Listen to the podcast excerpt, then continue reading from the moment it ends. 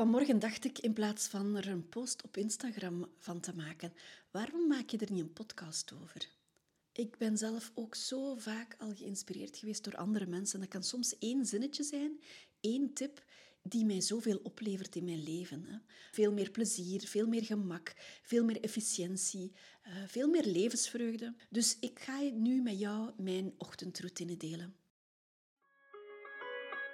Van harte welkom bij de podcast van Dr. Geluk. Een podcastreeks waarbij je weer een stapje dichter komt bij je allerbeste leven.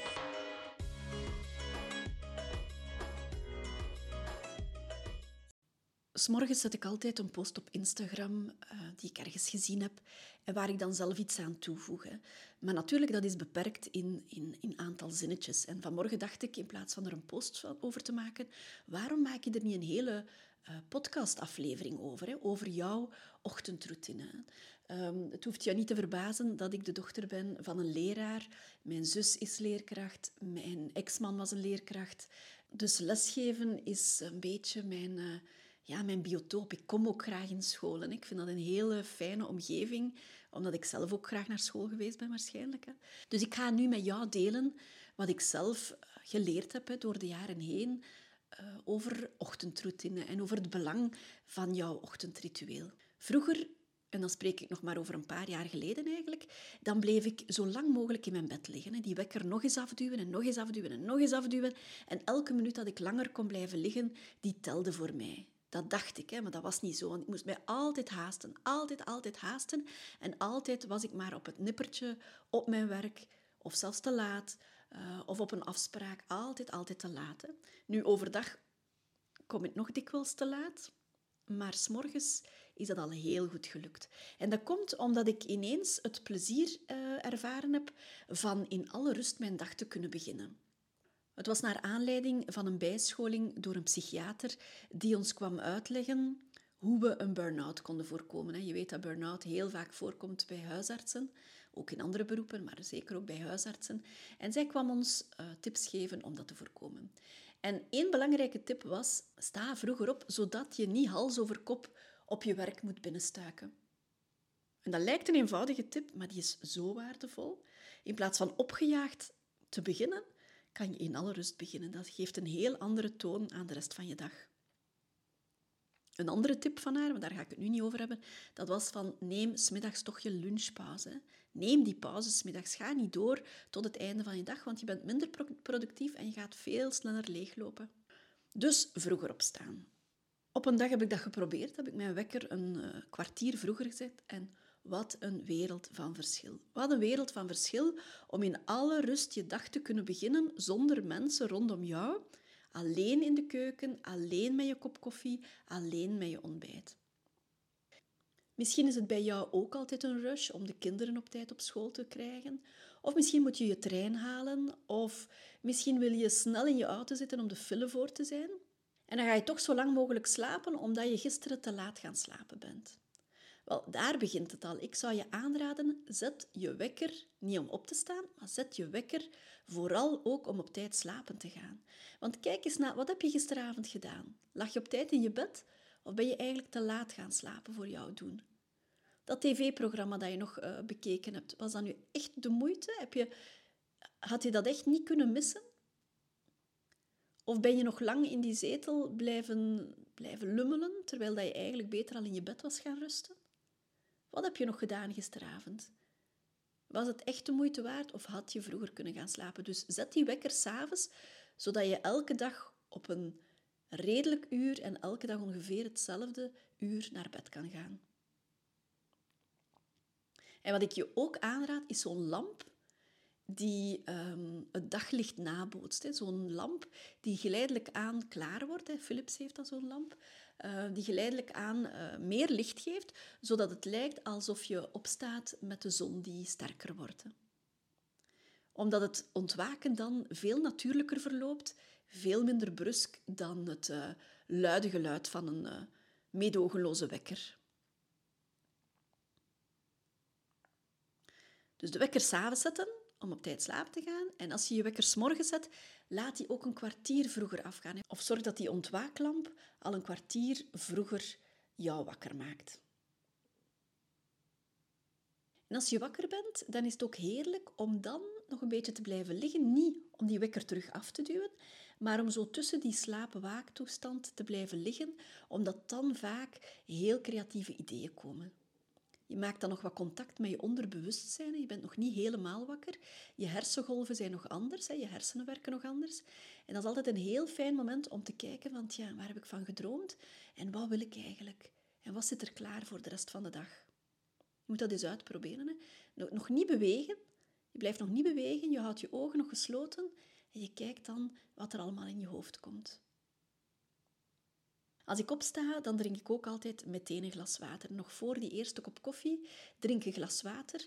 Je kan dat ook doen. Je kan een glas water nemen en daar wat keltisch zout aan toevoegen en wat limoensap.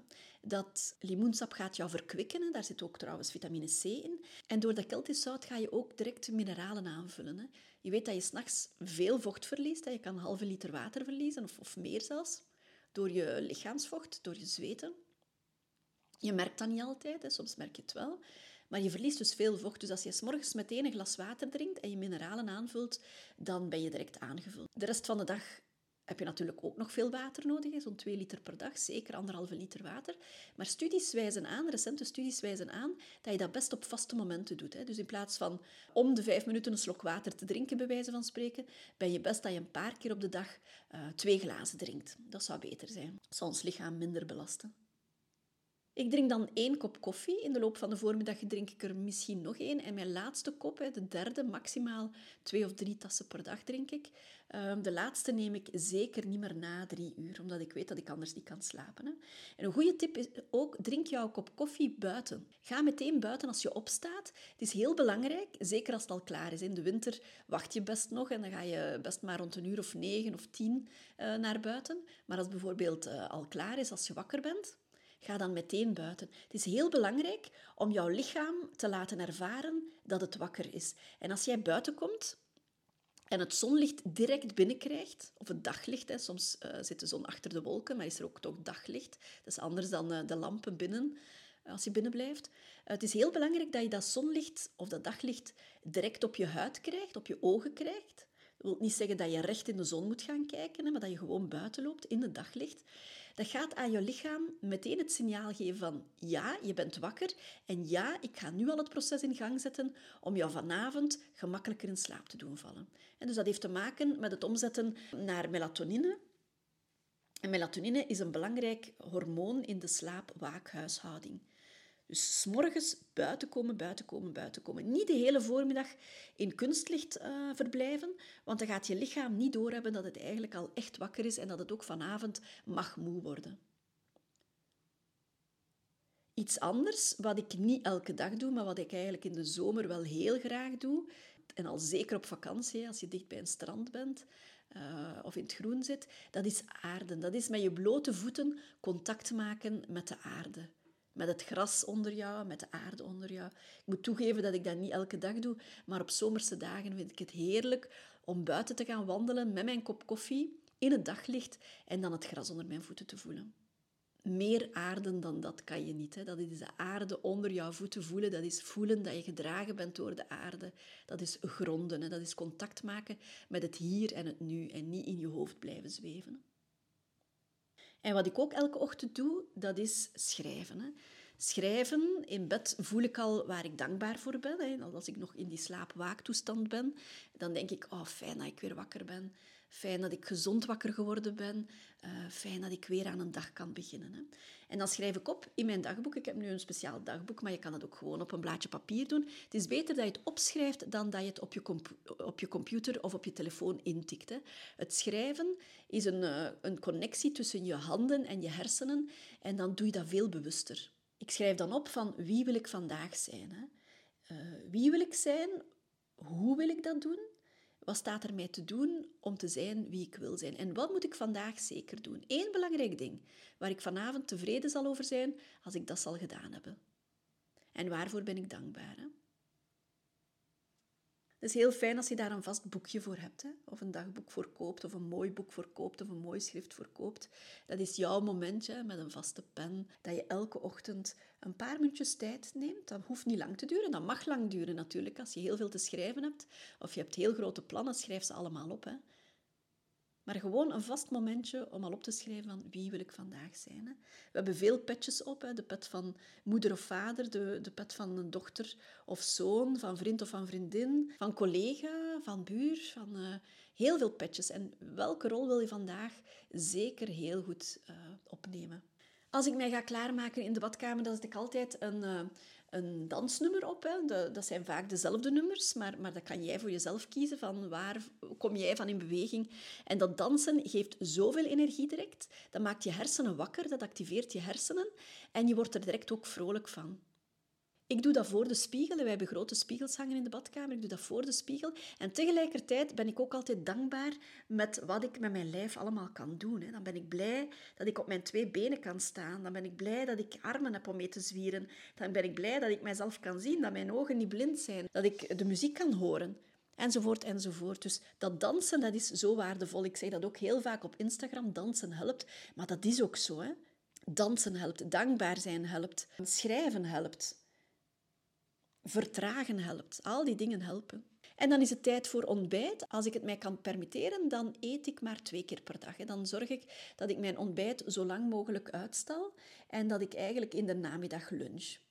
En die lunch telt al tegelijkertijd voor mijn avondeten. Natuurlijk, als je samenleeft met andere mensen, dan is dat heel moeilijk. Maar als ik alleen op vakantie ben, dan probeer ik zo laat mogelijk te gaan ontbijten. En dan probeer ik in de namiddag te eten, maar dan eet ik eigenlijk s'avonds niet meer. Dat is dan zo'n soort intermittent fasting. Ik doe dat niet strikt hoor, maar ik, ik geloof erin dat het heel gezond is voor je lichaam om je niet de hele dag door te gaan belasten met voeding. Hè. Eten maakt oud. Eten vraagt inspanning van je lichaam. Dat is energie die nergens anders kan voor gebruikt worden. Natuurlijk hebben we die brandstof nodig. Hè. We, hebben voedsel nodig. Maar uh, je moet eens nagaan hoeveel je wel eet. We eten eigenlijk vaak veel meer dan dat we nodig hebben. Hè? We eten uit goesting, we eten uit verveling, we eten uit troost. We zijn emo-eters, maar hoeveel keer eet je enkel wat je nodig hebt? Vaak hebben we veel te veel calorieën binnen en verbruiken we veel minder. Dus ik geloof erin dat je minder moet eten en dat je je eetmomenten best kan beperken. Als je natuurlijk s morgens een witte boterham met choco gaat eten, dan moet je er niet versteld van staan dat je om tien uur al honger krijgt. Hè? Want door die eh, witte boterham, door die choco, een en al suiker dat je binnen hebt eigenlijk, hè, daardoor gaat je glucose onmiddellijk naar omhoog in je bloed. Die insuline moet dat allemaal opruimen, dus je pancreas gaat heel veel insuline aanmaken om de suiker op te ruimen en, en, en dat te proberen verwerken. Je weet dat een teveel aan suiker omgezet wordt in vet. Hè. Wij hebben suiker nodig. Onze hersenen hebben koolhydraten nodig, maar onze hersenen hebben geen snelle suikers nodig en hebben geen, uh, geen toegevoegde suikers nodig. Dus als jij koffiekoeken gaat eten, als jij choco gaat eten, dan ga je een suikerpiek krijgen. En nadien gaat die suiker, doordat die insuline dat allemaal verwerkt heeft, gaat die suiker in je bloed allemaal op zijn. En dan ga je een hypo voelen, een hypoglycemie. Dan ga je wazig beginnen zien, dan ga je heel erg goesting hebben om weer te gaan eten. Dan ga je een zwaktegevoel hebben. Je kan zelfs flauw vallen dan, een appelflauwte dan. En uh, je gaat ook ambetant worden, je gaat lastig worden, je gaat hangry worden. Dus probeer trage suikers te eten. En wat ik eet, wat ik quasi elke ochtend eet, dat is een kom met havermout en Griekse yoghurt. Dat is volle yoghurt. Ik heb jarenlang één mager yoghurtje en een appel gegeten s morgens. Ik kan jou verzekeren, dat geeft geen voldaan gevoel. We hebben ons dat in de tijd wijsgemaakt om te vermageren. Nee, dat gaat niet, want je hebt eh, meteen veel honger, want, want je bent niet voldaan. Hè? Door die magere yoghurt, daar zitten geen voedingsstoffen in. Um, dus elke morgen een kom met Griekse yoghurt en haver. Ik doe daar pompoenpitten in, ik doe daar lijnzaad in. Dat zijn uh, pitten en zaden waar veel omega-3 in zit. Blauwe bessen ook, hè, veel vitaminen. Al die dingen zorgen ervoor dat ik de voorloper binnenkrijg die mijn serotonine gaat aanmaken, die mijn serotonine gaat verhogen in mijn lichaam. En serotonine is, zoals je weet, het gelukshormoon. Dus je kan dat met je voeding bewerkstelligen. Als je de juiste voeding neemt, dan kan jij je gelukspeil verhogen, later en alleen door je voeding. Je hebt natuurlijk ook die genetische aanleg. Je hebt natuurlijk ook de omstandigheden, maar door je voeding kan je ook heel wat bijbrengen. Ik voeg daar ook vers fruit aan toe. En bijvoorbeeld, je kan ook in plaats van verse frambozen, kan je ook diepgevroren frambozen kopen. Die zijn veel goedkoper dan die verse. En alles is daar ook in bewaard van vitamine. Als ik bijvoorbeeld op hotel ben, op vakantie, en er is een ontbijtbuffet, dan ben ik geneigd, of was ik geneigd, ik ga dat proberen niet meer te doen, om s'morgens ook koffiekoeken te nemen. Maar als ik dat een paar dagen doe, dan snak ik zo terug naar mijn gezond ontbijt. Dus jouw lichaam vertelt jou wel wat je nodig hebt. Hè? Maar we zijn dat dikwijls verleerd. Maar luister naar je lichaam. Probeer intuïtief te, eten, te leven en te eten. Hè? Wat heb ik nodig? Heb ik nu eigenlijk honger of heb ik goesting? En waar heb ik zin in? En je weet, als je een hele week op fastfood zou leven, dat je echt wel snakt naar diverse groenten. Hè? Snakt naar onbewerkt voedsel. Eitjes bijvoorbeeld. Eitjes met avocado en zalm is een heel gezond ontbijt, hè, dat heel voedzaam is en heel erg vult. Dan ga je niet om tien uur terug honger hebben, hoor. Wat ik altijd op zak heb, bijvoorbeeld, om in de loop van de dag als snack te nemen, dat zijn nootjes. Hè. Ik heb altijd amandelnootjes bij mij. Een handvol amandelnootjes is genoeg om je honger te stillen en om je energie terug op peil te krijgen. Hè. Dus ik ga het nog eens samenvatten. Zet je wekker s'avonds en zorg voor een, uh, een speciale ontwaaklamp. Hè, dat je op een natuurlijke manier wakker wordt. En zorg dat je die zet een kwartier vroeger dan anders, zodat je in alle rust kan ontbijten, zodat je in alle rust kan wakker worden, wat tijd voor jezelf kan nemen en dat je niet opgejaagd aan je dag begint. Het gaat zo'n verschil maken, de vibe waarmee je aan de rest van je dag begint. Kom buiten, hè. drink dat glas water voordat je je kop koffie drinkt. Drink je glas water, kom buiten, probeer te aarden en probeer in alle rust op te schrijven wat je van je dag verwacht. Ik ga bijvoorbeeld elke ochtend wel een post op Instagram zetten, maar dat wil niet zeggen dat ik begin te scrollen. Ik zet die post daarop met een boodschap, een inspirerende boodschap. Maar als ik zelf ga willen scrollen, dan doe ik dat op een moment dat ik daar echt bewust tijd voor neem. Want anders ben je s'morgens al vertrokken, krijg je heel veel prikkels binnen, dus doe dat niet. Doe dat niet. Doe eerst wat belangrijk is en hou die scrolltime voor als er echt tijd over is. Vroeger luisterde ik ook altijd naar Radio 1. Ik stond op en in de badkamer of in de keuken stond meteen Radio 1 op.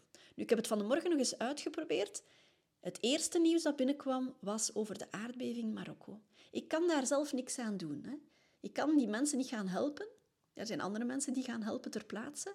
Het enige wat ik kan doen, is mijn, uh, mijn liefdevolle energie daar naartoe sturen, hè, maar vooral geld storten om te helpen. Maar dat nieuws zou mij ook bereikt zijn via andere kanalen. Ik hoef daarvoor niet meteen mijn radio morgens vroeg op te zetten als ik nog een leeg, vrij hoofd heb. En als dat dan direct wordt uh, volgepompt met negatieve nieuwsberichten. Met alle ellende van de wereld. Ik heb jaren, ik denk dat ik twintig jaar opgestaan ben met Radio 1. En ook in mijn auto als ik naar het werk reed. En je hebt dan van die praatprogramma's over de actualiteit van de dag. Nu kan je je voorstellen dat je toch bezorgd op je werk aankomt. Als je alles, alles, alles binnenkrijgt van al het leed in de wereld. Van de waan van de dag, van de politieke uh, klucht dikwijls. Dus zet je eigen muziek op. Begin eerst in stilte en als je nood hebt aan... Uh, ja, ga dan dansen en dan heb je muziek nodig natuurlijk. Maar als je nadien muziek nodig hebt, zorg dat je, dat je zo weinig mogelijk prikkels binnenkrijgt. En als je prikkels binnenkrijgt, zorg dat het positieve prikkels zijn. Voilà. Ik denk als je er nog maar één ding kan uit meenemen, dat je je kwaliteit van je ochtend en bij gevolg van je dag al kan verbeteren. Hè. Nog iets belangrijks. Ik zag ooit een filmpje op YouTube van een... Uh, een hoge legerofficier of generaal, of uh, hoe moet ik het juist noemen? In elk geval een belangrijke man in het leger, in het Amerikaanse leger, van de Marines, denk ik. En die zei, het belangrijkste is Maak elke dag je bed op. Hè. En dan denk je, waar, waar, heeft hij het over? Maar het klopt wel. Hè. Hij zegt van, maak elke ochtend je bed op. Je zou kunnen zeggen, van, is dat belangrijk? Want vanavond kruip ik daar terug in. Wie ziet dat als mijn bed niet opgemaakt is? Maar maakt het uit? Ik win tijd als ik dat niet doe. Maar het is, het is iets heel anders. Als jij s'morgens, voordat je het huis uitgaat, of zelfs als je thuis werkt, toch je bed opmaakt, dan begin je al met een taakje dat goed afgewerkt is. Daar krijg je een fijn gevoel van. Dat geeft jou dopamines en dat geeft uh, smaak naar meer. Naar meer dopamines, naar meer taakjes die je goed wil afwerken. Dus hoe meer voldaan gevoel morgens, hoe beter ook het begin van je dag. Dus maak je bed op en je gaat voelen dat je daar blij over bent. Dat ziet er ook netjes uit. Je bent fier op jezelf En je begint aan de rest van de dag. De toon is gezet. Ik zet ook vaak op Instagram voor wie maak jij vandaag het verschil. Dat is ook iets belangrijks. Hè? Wie ga je vandaag wat aandacht geven? Wie krijgt er een berichtje van jou? Wie krijgt er een complimentje van jou? Wie ga je een mailtje sturen? Wie ga je een berichtje sturen? En een glimlach kost niks. Hè? Als je straks buiten gaat, je hebt zoveel kansen, zoveel mensen om naar te glimlachen. Doe dat, dat kost niks. En andere mensen worden gelukkig van jouw glimlach en je gaat ook terug gelukkig worden van hun glimlach. En meer van die tips geef ik in mijn cursus Viva la Vida. Die kan je vinden als je naar mijn website gaat, www.doktergeluk.com. Daar kan je klikken op Viva la Vida. Viva la Vida is een online cursus met heel veel lesjes, met heel veel dingetjes die je in je leven kan veranderen om jou een beter en makkelijker en gelukkiger leven te geven. Want jij kiest, hè? jij kan kiezen. Je vindt mij terug op www.doktergeluk.com. Ik heb een Instagram-pagina onder Dr. Geluk, ook een Facebook-pagina onder eh, Dr. Geluk. Laat mij weten wat je ervan vindt. Geef mij tips voor nieuwe afleveringen en abonneer je als je geen enkele aflevering wil missen. Weet dat jij aan het stuur staat van jouw leven, dat jij de kapitein bent van jouw leven. Jij weet je waarden en je normen. Jij kan kiezen wat jou gelukkig maakt. Hou je goed en tot de volgende keer.